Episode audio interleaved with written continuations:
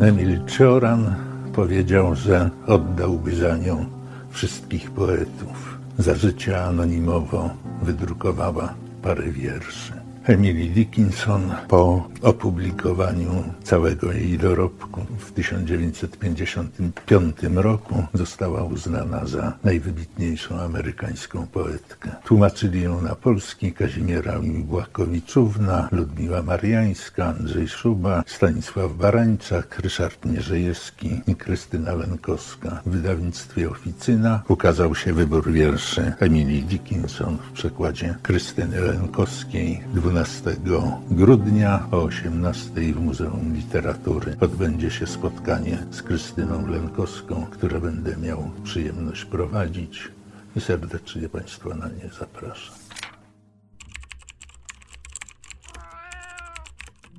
Na przykład podcast Stowarzyszenia Tłumaczy Literatury.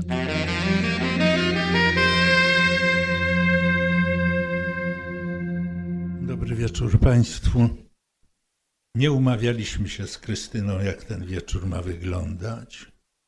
I mnie się wydaje, że może byłoby nie od rzeczy, żeby na początku zabrzmiały wiersze w oryginale i, i, prze, i przekłady.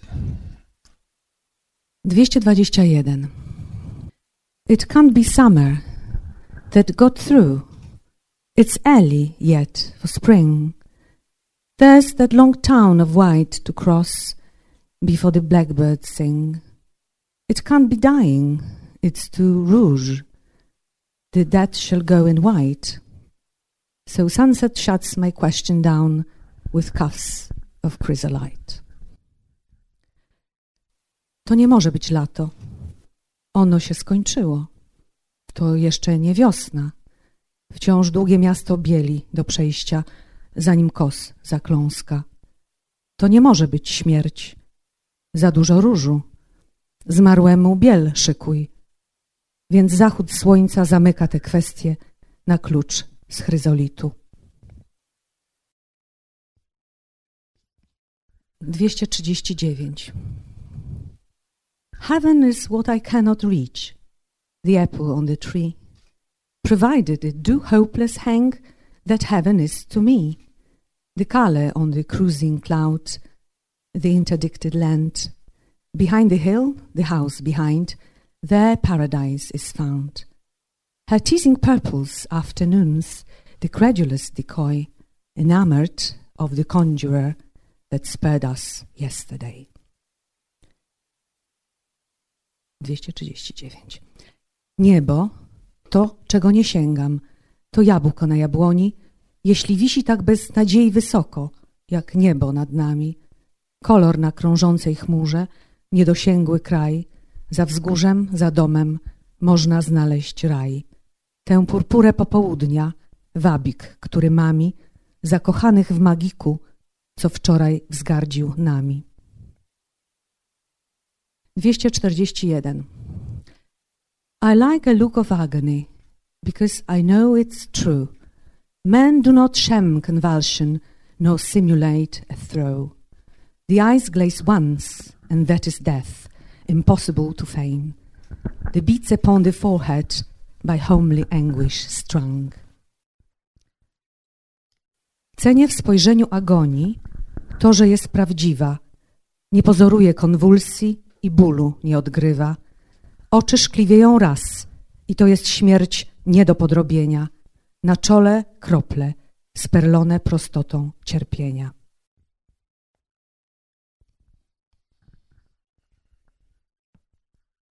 A co mogłabyś opowiedzieć historię znajomości, przygody, romansu, miłości twojej i wiersze Emily Dickinson?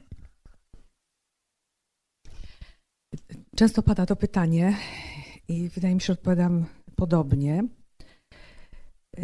Nie było w tym jakiegoś takiego zamysłu, takiego planu. Nie było w tym badań akademickich wcześniejszych. Podeszłam do tego po partyzancku. Uważam, że na początkowym etapie tłumaczenia byłam tłumaczem naturszczykiem, co nie znaczy, że nie miałam przygód wcześniejszych tłumaczeniowych, bo tłumaczyłam poezję współczesną, N. Carson, Michael Ondaatje, Ruth Padel. Ale w tym wypadku to jest zupełnie inna materia. To jest y, język angielski, który jest nie tylko odległy w czasie, ale również jest trudny nawet dla anglosasów. Y, więc, żeby nie zapeszyć, podeszłam do tego w ten sposób. Robię to dla siebie, tłumaczę, co będzie, to będzie. Mm, też opowiadałam o tym w audycji radiowej choćby, że nie zapamiętałam dotkliwie Emily Dickinson na studiach, chociaż była obowiązkowa w programie. Nie było jakiegoś uderzenia piorunem wtedy. Minęło parę lat, jakaś książka gdzieś mi się przyplątała, nie wiem, byłam w Anglii chyba, w księgarni w Leeds, była mała i z tą książeczką, y, która się mieściła w kieszeni, podróżowałam i zaczęłam do niej zaglądać, może nie mając nic innego na oku. I to był moment, taki jakiś genius loci. Przeczytałam wiersz, który, który mną wstrząsnął. Ja go znałam, ale akurat tego, tej nocy mnie mną wstrząsnął. Ten wiersz jest przetłumaczony tu mniej czy bardziej udolnie. Ja myślę, że on nie jest do oddania. Nie ma kongenialnego tłumaczenia tego wiersza. On jest, jest po prostu niemożliwy do prze, przełożenia, bo specyfika języka angielskiego jest taka, jaka jest. Ten wiersz się kończy I couldn't see to see. I to był dreszcz. I wtedy zrozumiałam, że chcę dalej czytać tą, tą poetkę, że to jest coś, coś, coś wyjątkowego, że to jest ta definicja poezji, która daje gęsią skórkę, ten biały żar. Emily Dickinson pisze o białym żarze poezji. Dla niej to nie jest zimno, tylko gorąco. I tak to się zaczęło. To może mało oryginalne, ale tak to było. I nadal nie byłam akademicka, nie byłam badaczem w, w tej pracy. Szłam przez książkę, którą mi w końcu przysłała przyjaciółka, też tłumaczka Ewa Hrynicz Yarborough, cały taki zbiór 1785 wierszy, jak wiemy, napisała. I szłam tak troszkę jak, jak przez las, jak, albo jak, raczej jak miastem. Może się zgubię w tej uliczce, w tą wejdę, w tamtą wejdę. Nie miałam innych tłumaczeń, nie miałam tego słynnego, tej kolekcji Stanisława Barańczaka. Po pierwsze, ona była niedostępna wtedy, nawet na Allegro, ale ja jeszcze na tym etapie tego nie potrzebowałam, na, na etapie pierwszych stu wierszy. Kierowałam się absolutnie y, jakąś urodą wiersza, czy, czy, czy, czy, czy antyurodą wiersza, bo trudno mówić o urodzie wierszy Emily Dickinson, kiedy ona pisze o, o sprawach często okrutnych, czy takich jakichś daimonion tam jest. Urodą wiersza w cudzysłowie. Zaintrygowana, zafrapowana czytałam te wiersze i niektóre zaczęłam tłumaczyć. Kiedy się okazało, że to mi wychodzi w, w oczach mm, ludzi, którym ufam, Coraz poważniej do tego podchodziłam. Okazały się y, przekłady we frazie, potem po wielu latach w kwartalniku artystycznym. Takie to były początki. Dalej opowiadać czy czytać wiersze? Poczytaj wiersze, ja sobie znajdę jakiś cytat. Będę tak szła chronologicznie, bo to jest bardzo ważne. Nie ma. Emily Dickinson nie dawała tytułów wierszom. One mają numery, jak wiemy. I ta chronologia była dla mnie ważna. Szłam też, badałam te wiersze chronologicznie, odkrywałam ją na nowo. Ja teraz dowiaduję się o niej przeróżnych rzeczy. Niektórych można się domyślać, czytając te wiersze, obcując nimi tak intensywnie, ale nie, niektóre y, opinie badaczy mnie bardzo zaskakują. No, no szczególnie to nazwanie jej Madame de Sade z Amerst. Słynny wiersz 254. Możecie Państwo przy okazji zaobserwować, jaka jest różnica rytmu. Metrum Emily Dickinson jest bardzo istotne dla badaczy jej, jej poezji, bo to jest tak zwany slant rhyme, to jest y, common rhyme, hymn protestancki, który ona usiłowała nie tylko naśladować, ale usiłowała go w jakimś sensie zironizować. Nie wiem, czy ktoś jest w stanie oddać idealnie ta, to, to metrum na język inny niż, niż, no, niż on jest, brzmi w języku angielskim.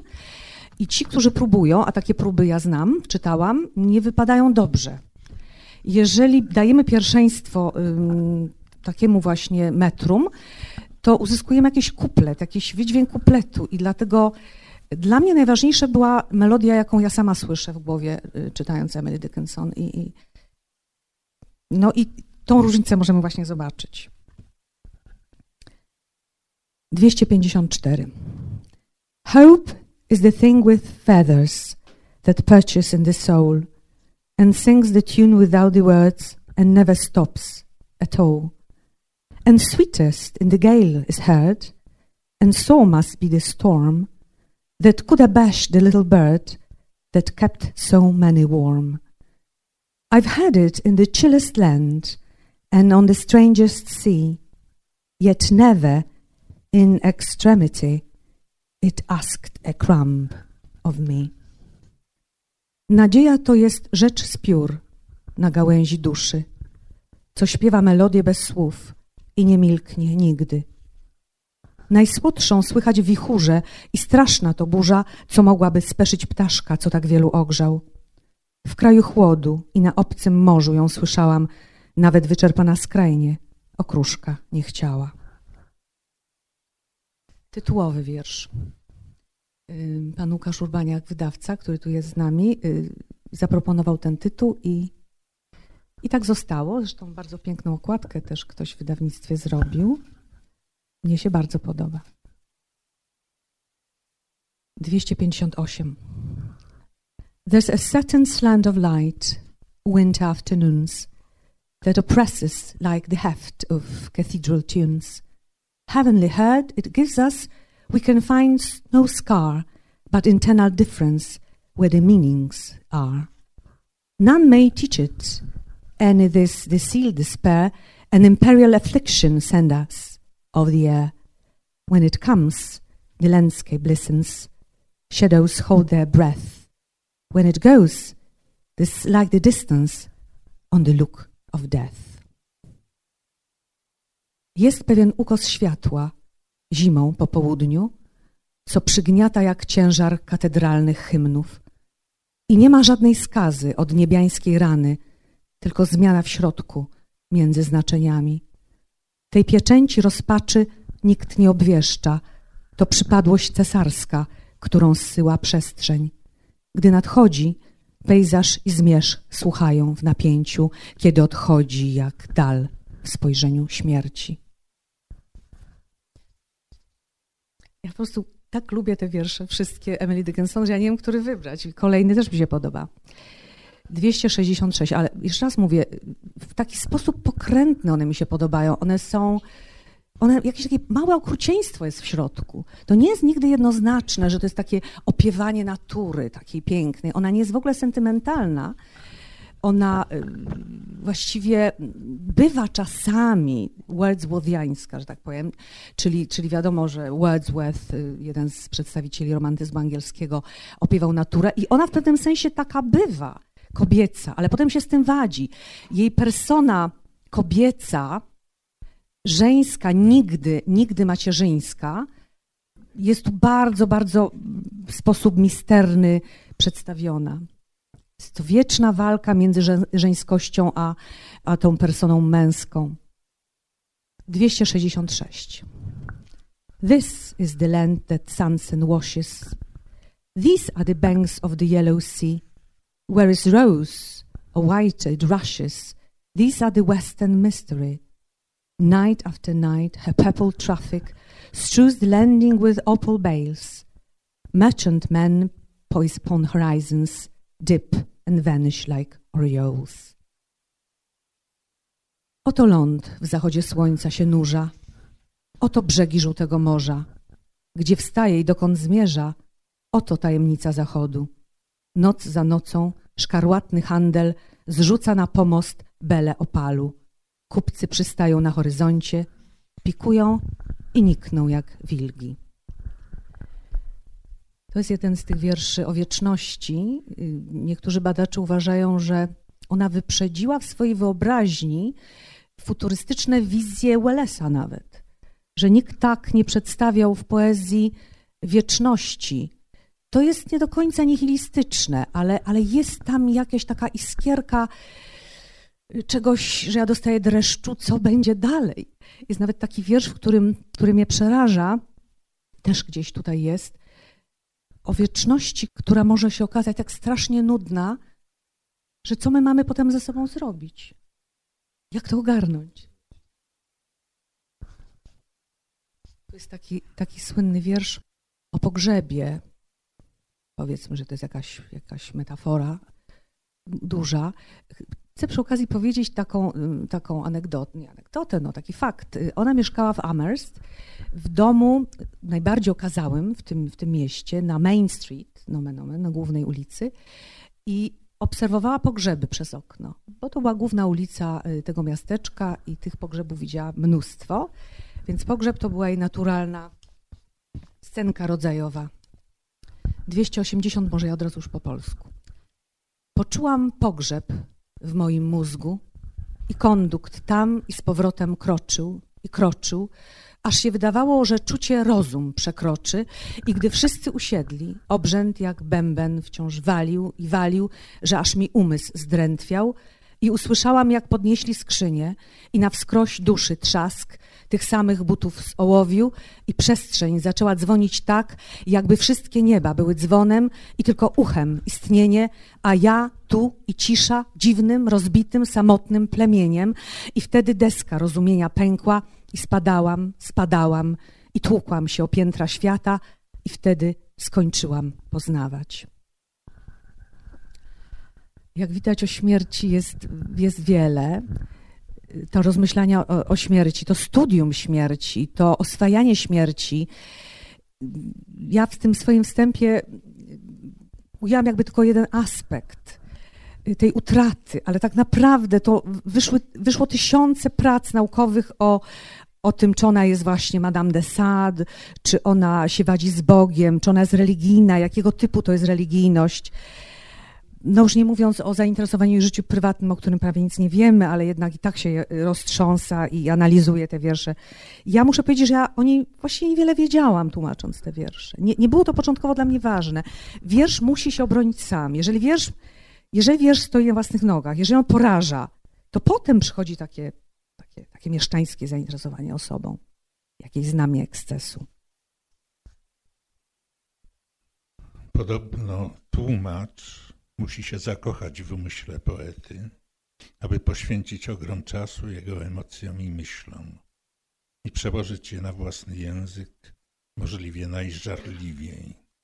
A własny język powinno się rozumieć nie tylko jako język rodzimy, ale też język tłumaczowi współczesny, w jakim sam myśli i którym mówi na co dzień. Naturalny, niearchaiczny, nieupozowany na epokę nieznaną mu z autopsji. Zgadzasz się z tym? Y, to znaczy teraz y, pozwolę sobie na może przesadną szczerość. Dlatego między innymi poprosiłem, żebyś na samym początku czytała te przekłady, bo chciałem sobie coś sprawdzić. Na ile moje czytanie oczami oddaje ten rytm, który ty czujesz, słyszysz, który w tym wierszom w polszczyźnie nadałaś. I ta konfrontacja wyszła lepiej dla ciebie czytającej na głos niż dla mnie czytającemu po cichu. Bo to, to jest znaczy jak jest, nuty. Jest, jest, jest kwestia, kwestia taka, że czytając po cichu, inaczej jeszcze. Emily Dickinson za życia wydrukowała bodajże siedem czy sześć wierszy tylko. Nie pod swoim nazwiskiem. I nie pod swoim nazwiskiem. Nie, nie, nie dlatego, że, że od samego początku nie chciała. To znaczy w którymś momencie nie chciała, ale zdaje się, że te, że te pierwsze próby to jednak była porażka. I, I ta porażka usprawiedliwiana przez tych, którzy byli władni sprawić, żeby to nie była porażka, czym, Nie wiem i tego nikt nie wie, ale myślę, że paraliżujący strach przed publikacją, każdy to ma, nie wiem, ja mam. To znaczy gdzieś czytałem, że język tych wierszy nie był taki całkiem poprawny, że był niegramatyczny. Momentami ja czytając oczami i porównując z oryginałem, a to porównanie właściwie dotyczyło tylko formy. To zauważyłem, że nie zawsze się tej formy oryginału trzymasz. Natomiast też sobie pomyślałem, że prawdopodobnie gdyby policzyć wszystkie rymy u ciebie i wszystkie rymy w oryginale, to bardzo możliwe, że, że, że, że, że per saldo to by się wszystko, wszystko zgadzało. I co mi jeszcze przyszło do głowy, że niektóre z tych słów na pozycjach rymowanych u Dickinson w Polsce to mi brakuje wiedzy, jak takie słowa nazwać, bo co to jest asonans, to wiem, konsonans też wiem, ale jeszcze na przykład coś, co właściwie niczym nie jest, a byłoby rymem na przykład w poezji średniowiecznej. Przy pewnym rytmie polszczyzny słowo wielosylabowe, których prawie przy, zgo, przy zgodności ostatniej sylaby dwóch słów, to w, tej, to, to, to w tej bardzo dawnej średniowiecznej poezji to pewnie były słowa rymowane. Jeszcze raz powiem, nie występuję tu jako badacz i tak nigdy do tego nie podchodziłam. Znając próbki wiernego przełożenia rytmicznego wiersze Emily Dickinson, widziałam, jaka to jest porażka. Nie próbowałam nawet tego robić. Czytając bardzo wnikliwie opracowania wielkiej badaczki znanej Helen Wendler, Emily Dickinson, widziałam te wszystkie rozpiski metryczne, które ona robi. Interesowała mnie bardziej jednak o czym jest wiersz i jakie on na, na mnie, jako czytelniku, robi wrażenie. Co ja chcę z tego wiersza wyciągnąć. Nie usiłowałam w ogóle studiować tych wszystkich y, tych, tych, tych zabiegów rytmicznych, bo wiedziałam, że odniosę porażkę.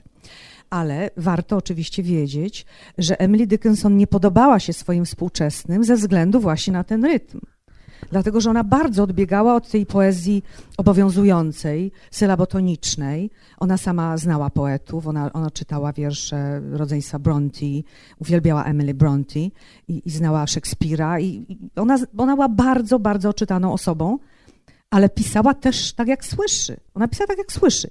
To się nie podobało. To się nie podobało y, wielu osobom, którzy, które uważały się za wyrocznie w sprawach publikowania. Niemniej ona też była w tym wszystkim trochę pokrętna, bo pisała do nie wiem, wydawcy Springfield, czy potem zaprzyjaźniła się z tym e, Wentworthem Higginsonem i do, do śmierci zresztą się przyjaźnili, spotkali się parę razy w życiu. On nawet czytał jej y, za, właściwie ona w testamencie poprosiła go o to, żeby czytał na jej pogrzebie wiersz No coward soul is mine, moja dusza nie tchórz. Tak się składa, że trochę tych wierszy rodzeństwa Bronte też tłumaczyłam i opublikowałam. To jest taki epizod też mój życiowy, wcześniejszy. I ona zdawała sobie sprawę, że to się nie podoba, bo w korespondencji to wychodziło. Więc kiedy się okazało, że oni w końcu publikują te wiersze i nadają wierszom tytuły, czyli zabierają jakby jej decyzję o tym, że wiersz ma być numerowany, kiedy likwidują jej pauzy, te pauzy są strasznie ważne. Zwróć uwagę, że ja, tych, że ja różne zabiegi tu robię, żeby to dopasować do swojej głowy, ale nie zabieram tych pauz, tak zwane pauzy biegnące nerwowość pewna. Rzadko kiedy jest to wykrzyknik, rzadko kiedy jest to kropka. Na ogół wiersz kończy się pauzą i w środku są też te pauzy. To jest tak jakby, niektórzy uważają, taki, taki, takie niezdecydowanie, taka niepewność, takie potknięcie, a równocześnie też otwarcie wiersza na pewną pojemność, na jakąś wieczność. Ja już nawet coś takiego czytałam. Te pauzy są niesamowicie ważne, więc kiedy przeprowadzili te operacje na tym wierszu, zabrali pauzy, wstawili tytuły, udosłowniając pewne, pewne jej jakieś tam wizje, obrazy, to jej się to bardzo nie podobało. A z drugiej strony ta pokusa, którą ona gdzieś pod skórą bardzo głęboko miała, ona wierzyła w swoją wielkość, o tym świadczą też jej wiersze, więc zabroniła publikowania swojego nazwiska. Mówiła też, pisała na przykład do swojego wydawcy, że publikowanie jest jej obce jak firmament płetwie. Było w tym trochę kokieterii, bo, bo jednak no, taka pewna pokrętność. Chcę, a nie chcę, a boję się. Jednak wybierała sobie pewne sytuacje. Chcę rozmawiać z tym, nie chcę rozmawiać z tym, chcę korespondować. Latami korespondowała z ludźmi, których ona sobie sama wybrała, jako osoby godne do, do rozmowy. A poza tym się z roku na rok coraz bardziej chowała w tym swoim domu i pokoju i niemalże z niego nie wychodziła. No to tyle mogę opowiedzieć formy. Nie mogę powiedzieć, że ja racjonalnie wybrałam jakiś kompromis. Nie. Jeszcze raz powtarzam, wzięłam to na, na własne ucho, na głowę, na, na to przebywanie z nią y, tak intensywnie i tak, tak, tak często i tak długo, jest to zawsze jakaś, jakiś, jakiś, jakaś utrata, wiadomo, że tracimy, że musimy skompensować pewne. Tu nie ma rymu fantastycznego, ale może uda mi się ten rym gdzie indziej. Nie będzie dosłowny, to będzie wewnętrzny. Jak, co z tą składnią, z tymi przerzutniami począć? No to, to, to były tygodnie i miesiące mm, decyzji formalnych. A w końcu przecież chodzi o to, żeby to było jak, nie tylko co prawda? Bo wtedy nas to zachęca do tego, żeby dowiedzieć, co jest, co jest w środku. Wolę sobie dwa wiersze przeczytać, takie, w których jak gdyby w stosunku do oryginału jest pewien naddatek współbrzmień. 1075. Niebo jest niskie, chmury są wredne. Śnieżynka wędrowna rozważa, czy przez stodołę, czy przez rów polecieć jej wypada. Skąpy wiatr zrzędzi bez końca, po tym jak był upokorzony. Naturę, jak nas, przyłapać można bez swojej korony. I 1120. Ten ciężki dzień posuwał się. Słyszałam jego osie jakby nie mógłby się podźwignąć, tak ruch był im nieznośny. Kazałam swojej duszy przyjść. Czekać nie było po co. Poszłyśmy i grałyśmy i wróciłyśmy. Wtedy zniknął z oczu. 1775 Ziemia ma tomów brud, tam, gdzie melodii brak, jest nieznany pył wysep. Piękno natury to fakt. Zaświadcza go jej morze i jej ląd go zaświadcza. Lecz koronnym dowodem jest elegia świerszcza. No i ta, ta, ta, ta linijka myślę, że, że bardzo dobrze została wybrana na, na zakończenie domu. Koronnym dowodem jest elegia świerszcza.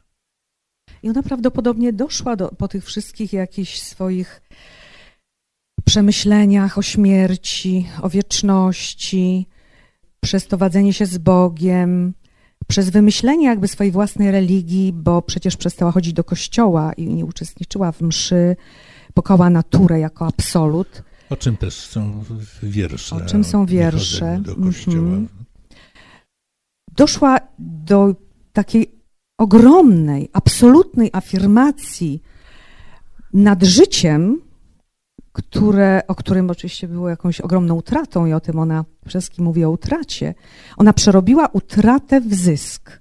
Skoro nie może mieć wszystkiego, a apetyt miała ogromny, to w takim razie uświęci to, co ma. Ukocha, uświęci to, co ma. I, i to jest ta ziemia malutka, nieważna, nijaka wobec tej wieczności, ale jednak jedna w swoim rodzaju. I ten wiersz jest tym koronnym dowodem, jak ta elegia świerszcza. Mogę jeden jeszcze? 508. Oddano mnie, nie należę do nich. Imię spuszczone mi na twarz, z wodą w wiejskim kościele skończyło się już Mogą schować go z lalkami, moim dzieciństwem i igłami, z nawlekaniem koniec. Kiedyś chcąc nie chcąc ochrzczona, tym razem świadoma, łaski z najdoskonalszym imieniem, przywołanym do pełni przez znów, do spełnienia zatoczyła łuk istnienia jednym małym diademem. Pierwsza godność królewny śpiącej na piersi ojca nie dorówna drugiej, bo to moja właściwa postać, wolna, żeby odrzucić lub wybrać, więc wybieram diadem. I tutaj ta postać i wybrać to jest przykład tych słów, o których parę chwil wcześniej mówiłem, że chociaż się nie rymują, to, to tak jakby się rymowały, kiedy następuje jakaś dziwna transakcentacja gdzieś z zamierzchłej przeszłości polszczyzny do, dobiegająca do nas echem lub rykoszetem. A ja dodam przy okazji, że tutaj chodzi między innymi też o, o ten jej protestantyzm, o to, tą predestynację, że my rodząc się zostajemy wybrani do zbawienia. Więc jest to taka troszkę gra też teologiczna, troszeczkę ironiczna o tym, o tym wybraniu. Ja chrzczona na ręku ojca, ta królewna, ale właściwie ja sama decyduję o tym. Jest to ta persona, kobieta, car, która o tym mówią badacze. Wybranie, które jest innego typu wybraniem. Ja decyduję o wybraniu, a nie zadecydowano o mnie gdzieś tam na początku. Jest to gra tym, tą personą. I wybrała diadem. Takie jakieś królewskie naznaczenie poezji czy, czy jakiejś takiej filozofii, do której doszła.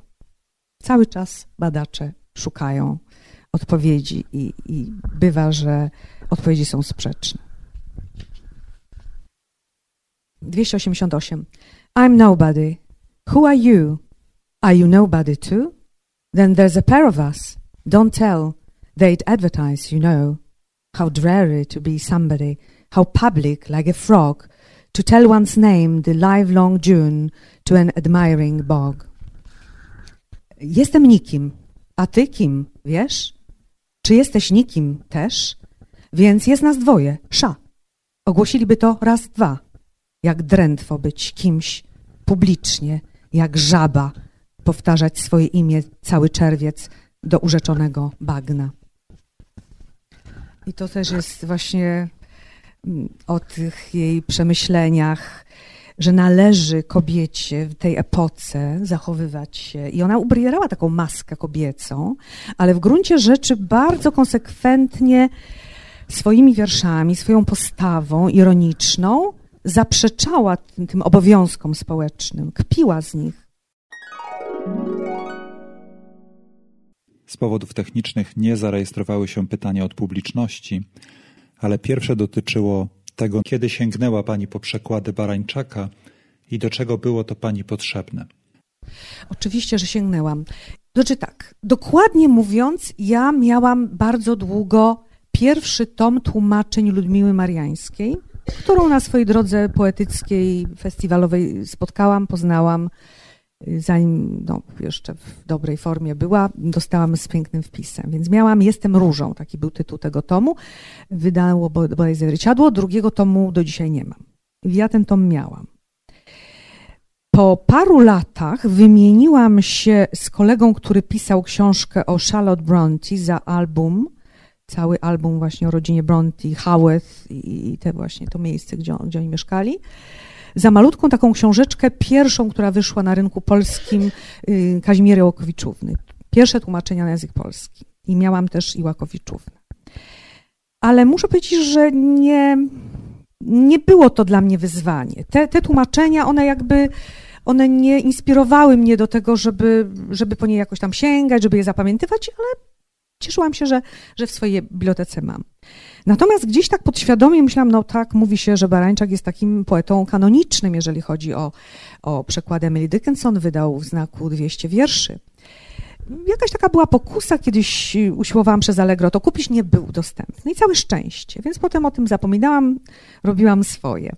Mniej więcej gdzieś po 100, 120 wierszach kolega, profesor Zbigniew Światłowski, podarował mi Barańczaka. Wcześniej skrzętnie sobie zrobił ksero, bo zachowuje wszystkie książki i podarował mi tego Barańczaka.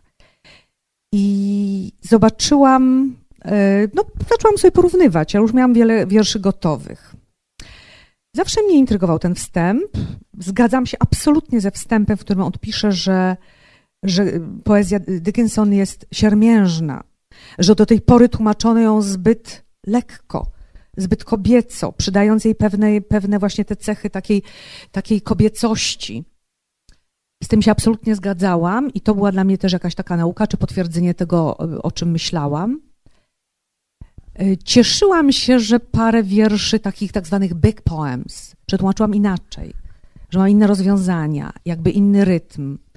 Ale właściwie postanowiłam się nie porównywać. Nie, nie, jakby nie miałam szans. Nie miałam szans, jednak jest to jest, jest tak, takie nazwisko jako poeta, jako tłumacz tak, tak wielu. Ja zresztą bardzo lubię tłumaczenia Barańczaka T.S. Eliota i, i, i te szczególnie studiowałam wiele, wiele lat temu do czego mogłyby mi się przydać. Znaczy, cieszę się, że, że nie miałam ich na początku, bo mogłabym być zbyt skuszona tym, żeby zaglądać za często. Byłam już taką, taką tłumaczką Dickinson dość zasiedziałą, kiedy, kiedy trafił mi się ten tom. Czasem zdarzało mi się zaglądnąć gdzieś jakieś takie słowo, jak on to tłumaczy, czasem jakąś małą dziką satysfakcję, że jednak uniknęłam jakiegoś archaizmu, a on ma. No to są takie ukryte satysfakcje tłumacza. Przypomniała mi się moja przygoda z wierszem Odena Walter Ferney, który dostałem. No to były takie czasy, że się przepisywało wiersze na, na, nawet po angielsku ręcznie. Mój przyjaciel pracował w Bibliotece Narodowej, trafił gdzieś na ten wiersz Przepisał, przepisał go ręcznie, przysłał mi w liście do Puław i, i powiedział, przetłumacz. Potem ci pokażę, jak to zrobił Miłosz. No i ja ten wiersz przełożyłem. Wiedziałem, że jest przekład Miłosza, potem nawet już ten przekład miałem, ale do momentu, kiedy nie skończyłem własnego, to nie zaglądałem do Miłosza. No i jak skończyłem i porównałem, to stwierdziłem, że może odrobinkę mój jest gorszy, ale tak nie ma przepaści poziomów. No a poza tym jest właśnie niektóre z tych rozwiązań, na które ja wpadłem, wydały mi się lepsze niż, niż w tamtym przekładzie. To zresztą tutaj moglibyśmy zacząć taką szerszą dyskusję w ogóle o przekładach i o ponownych przekładach. Akurat y, pracowałem w jednej redakcji z Moniką Adamczyk-Garbowską. Wtedy w tym, w tym samym w tym, w, w tym samym budynku zresztą mieściło się wydawnictwo lubelskie, które wydało przekład Moniki e, zatytułowany nie Kubuś Puchatek, tylko Fredzia Phi No i pamiętam, no nie były to takie zupełnie przedpotopowe czasy, ale jeszcze coś takiego budziło szalenie ożywioną dyskusję. Biedna Monika to musiała znosić cierpliwie te razy, które na nią spadały, za to, że właściwie szar, szarga świętości i przekład Ireny, Przetłumaczyła rzetelniej. I że ten pierwszy przekład jest właściwie kanoniczny, bośmy się wszyscy na nim wychowali. No. No ale myślę, że, że właściwie niezależnie co o sobie sądzą wzajemnie tłumacze, to myślę, że poeci, gdyby wiedzieli, to byliby zadowoleni, że tylu różnych tłumaczy sięga po ich wiersze. A jeśli chodzi o, o Emily Dickinson, to, to tych tłumaczy był cały legion przed Krystyną. Absolutnie. Potem to już pokolenie prawie tak mija od czasu pierwszego wydania przekładu Barańczaka. Język jest też takim, taką, takim ciałem dynamicznym. To jest jeden też z powodów, dla którego należy sięgać, ale chciałam jeszcze, jeszcze do, tego, do tego pytania, które pani tu zadała, że właśnie obcowanie z Emily Dickinson uczyło mnie też tego, żeby nie myśleć w tej perspektywie, kto przeczyta, co powie, to przychodzi później. Książka jest już wydana, ja mam spotkanie i zaczynam się denerwować. Albo robię y, finalną korektę i jestem cała w nerwach, bo zaczyna mi się wydawać, że może, może powinnam inaczej. Ale na tym pierwszym etapie, szczególnie obcując taką skromną osobą, która która jest uważana w tej chwili za, za, za geniusza, siostra Szekspira, którzy mówią drugiego Szekspira, Szekspira amerykańskiego. Człowiek się uczy jakiejś takiej pokory i skromności. No co ja tu sobie myślę, jak taka Emily Dickinson składała te, te wiersze w skrzyni i, i, i, i nie przejmowała się tak specjalnie tym, co się będzie działo później. I, i pisała tak właśnie I'm nobody, prawda? I'm who are you? Jej poczucie jej szacunek do, do własnego intelektu, do, do rozmów z samym sobą, czy z tym, z, z, osobą, którą ona sobie wybiera, były ważniejsze niż, niż właśnie to postrzeganie przez ten admiring bog. Pytanie drugie dotyczyło kryteriów doboru wierszy, które ukazały się w tomiku. Tak jak mówiłam, szłam tak jak po takim nieznanym mieście i weszłam w tą uliczkę i w tą uliczkę i coś mnie tam zainteresowało i stanęłam na, na, nad wierszem, przeczytałam go, zrobiłam próbkę tłumaczenia. Nie, ono się nie nadaje do, do przełożenia, może ten. Taki troszkę, trochę przypadek. Potem była, była taka refleksja, może jednak powinnam też tłumaczyć te takie znane wiersze, bo co chwilę ktoś mnie pytał, a masz ten, a masz ten, cały czas mnie pytają, a czy masz ten, wiesz, ten, ten o tym wężu albo, albo ten o tym ptaszku. Więc, więc zaczęłam zwracać też, mając już taką sporą partię wierszy, o, o tych back poems, żeby przetłumaczyć. Potem ktoś powiedział, a, a powinnaś przetłumaczyć też takie wiersze, które nigdy nie były tłumaczone.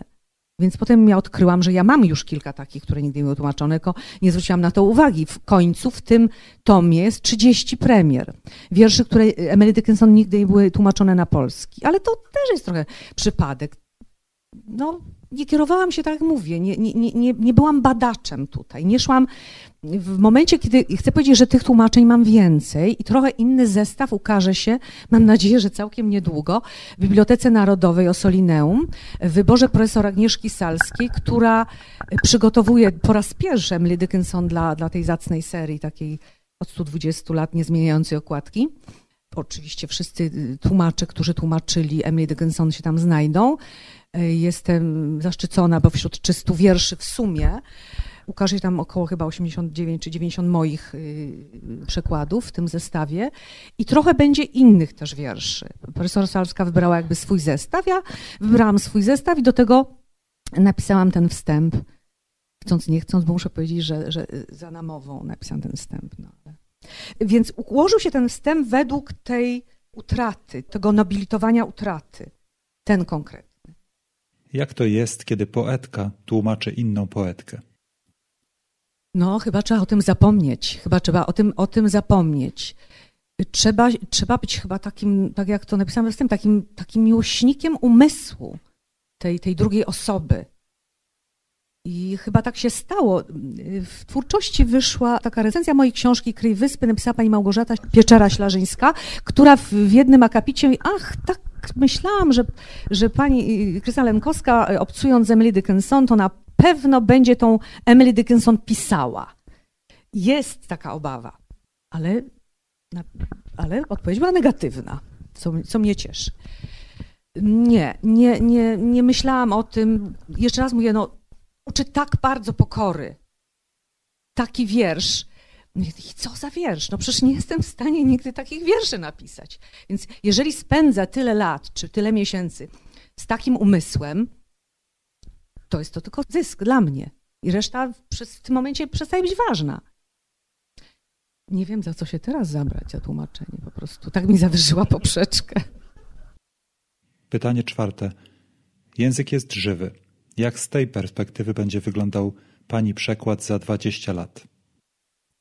Nie, myślę, że musi wiele lat upłynąć, żeby był archaiczny. Ja powiedziałam archaiczne, bo są poeci, tłumacze, którzy lubują się w takich słowach, albowiem, prawda? Ja takich słów nie użyłam. Ja starałam się tłumaczyć ją takim językiem, jakim mówię na co dzień.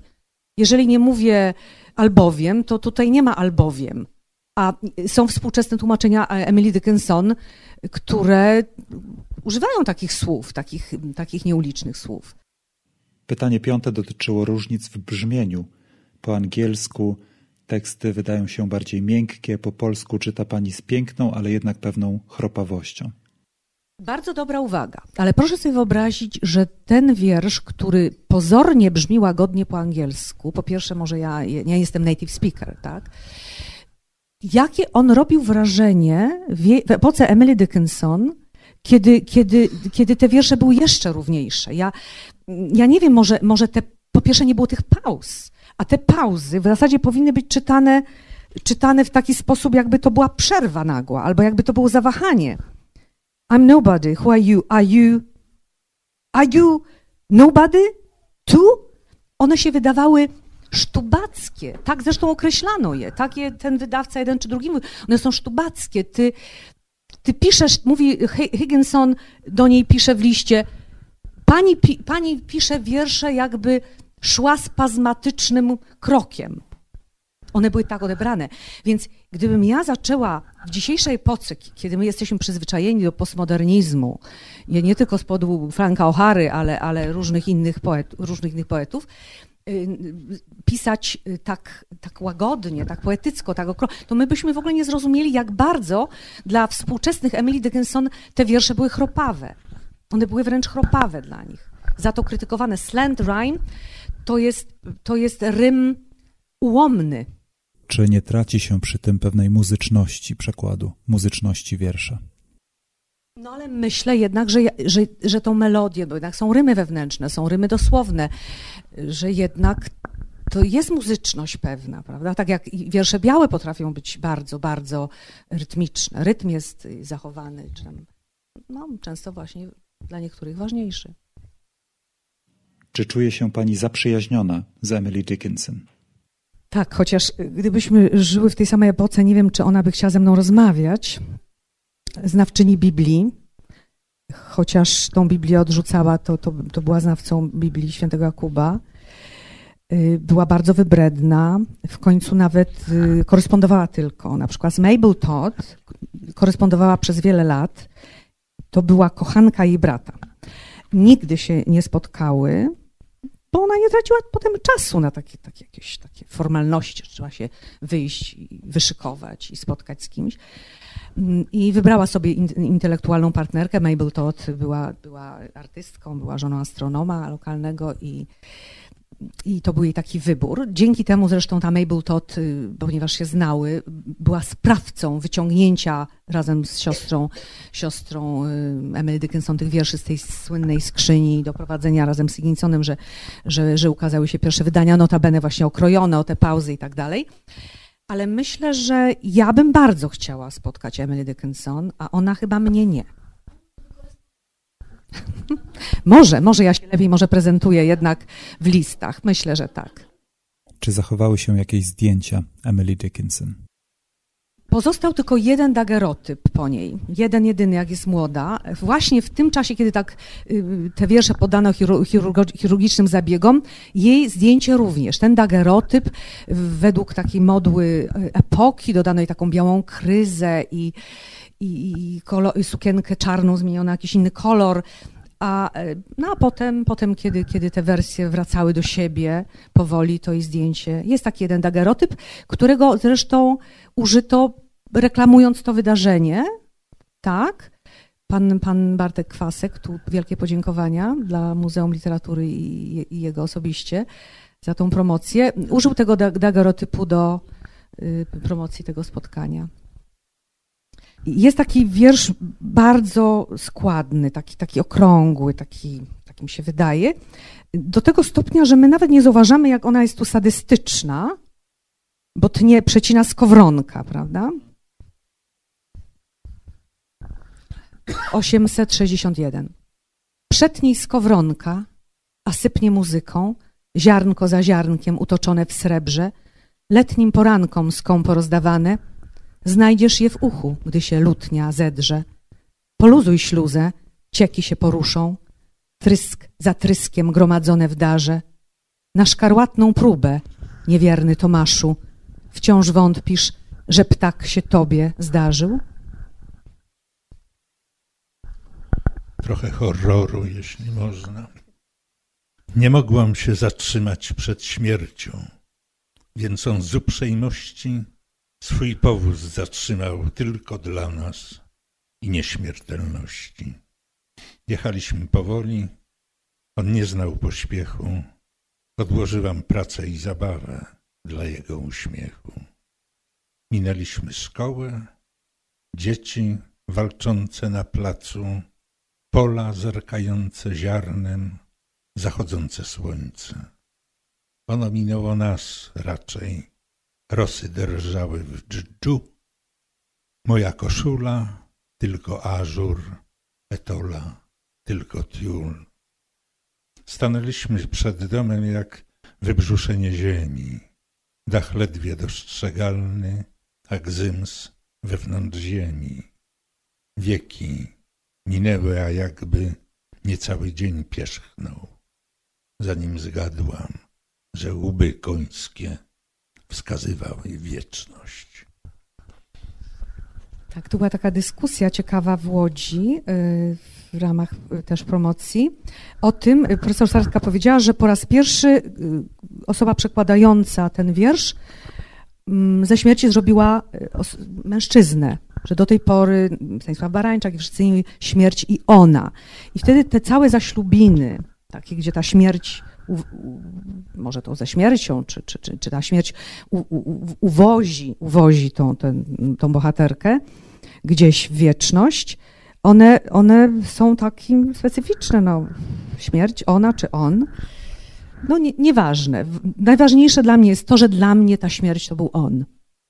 Język angielski y, jest pojemny, więc nie wiemy, czy on, czy ona. Ona była oswojona y, ze śmiercią. Y, ciągle zresztą rozczłonkowywała też ciało. Tam nie ma, nie ma mowy o chorobie, jest ciągle mowa o tym, że, że jakieś, jakieś członki są dzielone e, albo duszę się oddziela od ciała. Jest tu taki wiersz, który ja może na koniec przeczytam, gdzie dusza wybiera sobie jedną ciało i my do końca nie wiemy, czy, czy to jest ten słynny... Nie, bo mnie się otworzyło na wiersz mi się otworzył, zaczynający się frazą Dusza dobiera sobie towarzystwo i za... Tak. Dusza dobiera sobie towarzystwo i zamyka drzwi. Do jej boskiej większości już nie wejdzie nikt. Nie porusza jej rydwan, co staje w niskiej bramie, ani król klękający w progu na dywanie. Zrzesz Wybiera jednego. Znam ją od lat. Potem zwiera zawory uwagi, jak głaz. A mnie się otworzyło na 664. Ze wszystkich dusz wcielonych wybrałam jedną, gdy zmysł od ducha się oddzieli i wybieg się uda. Gdy to, co jest i to, co było, rozdzielą się w istotne i ten krótki dramat w ciele przesypie się jak piasek. Gdy kształty ukażą swoje królewskie rangi i z mgieł ociosane będą, ujrzyj ten atom, który wolałam od wszystkich innych z gliny.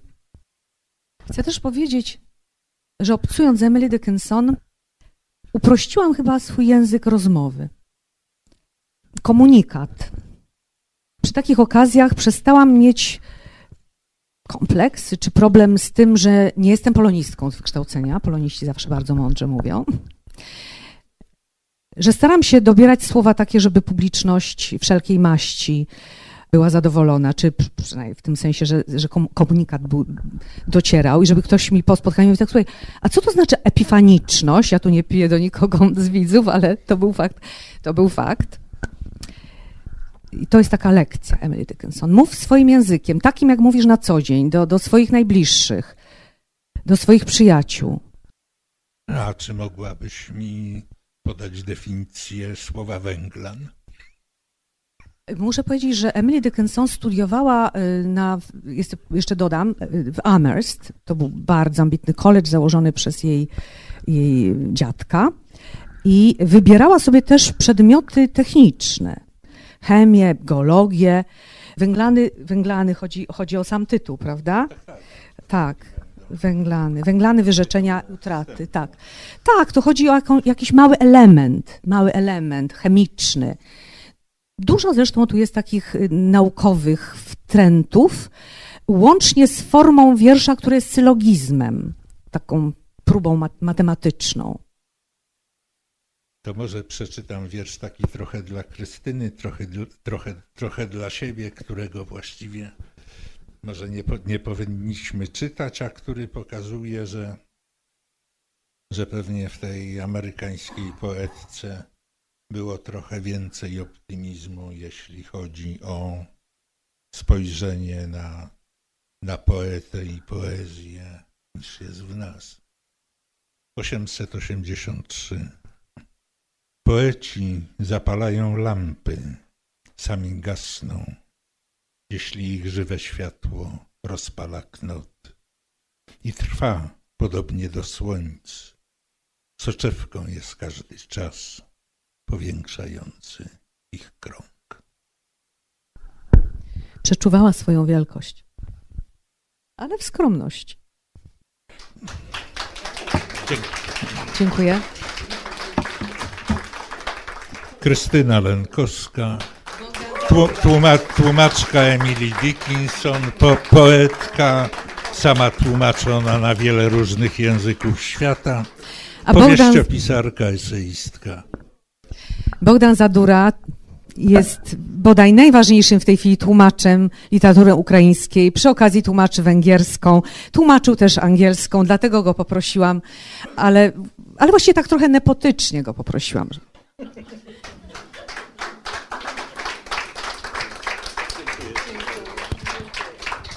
Dziękujemy Państwu serdecznie za obecność i zapraszamy w imieniu Muzeum Literatury na Lampkę Wina. Wysłuchali Państwo na przykład podcastu Stowarzyszenia Tłumaczy Literatury.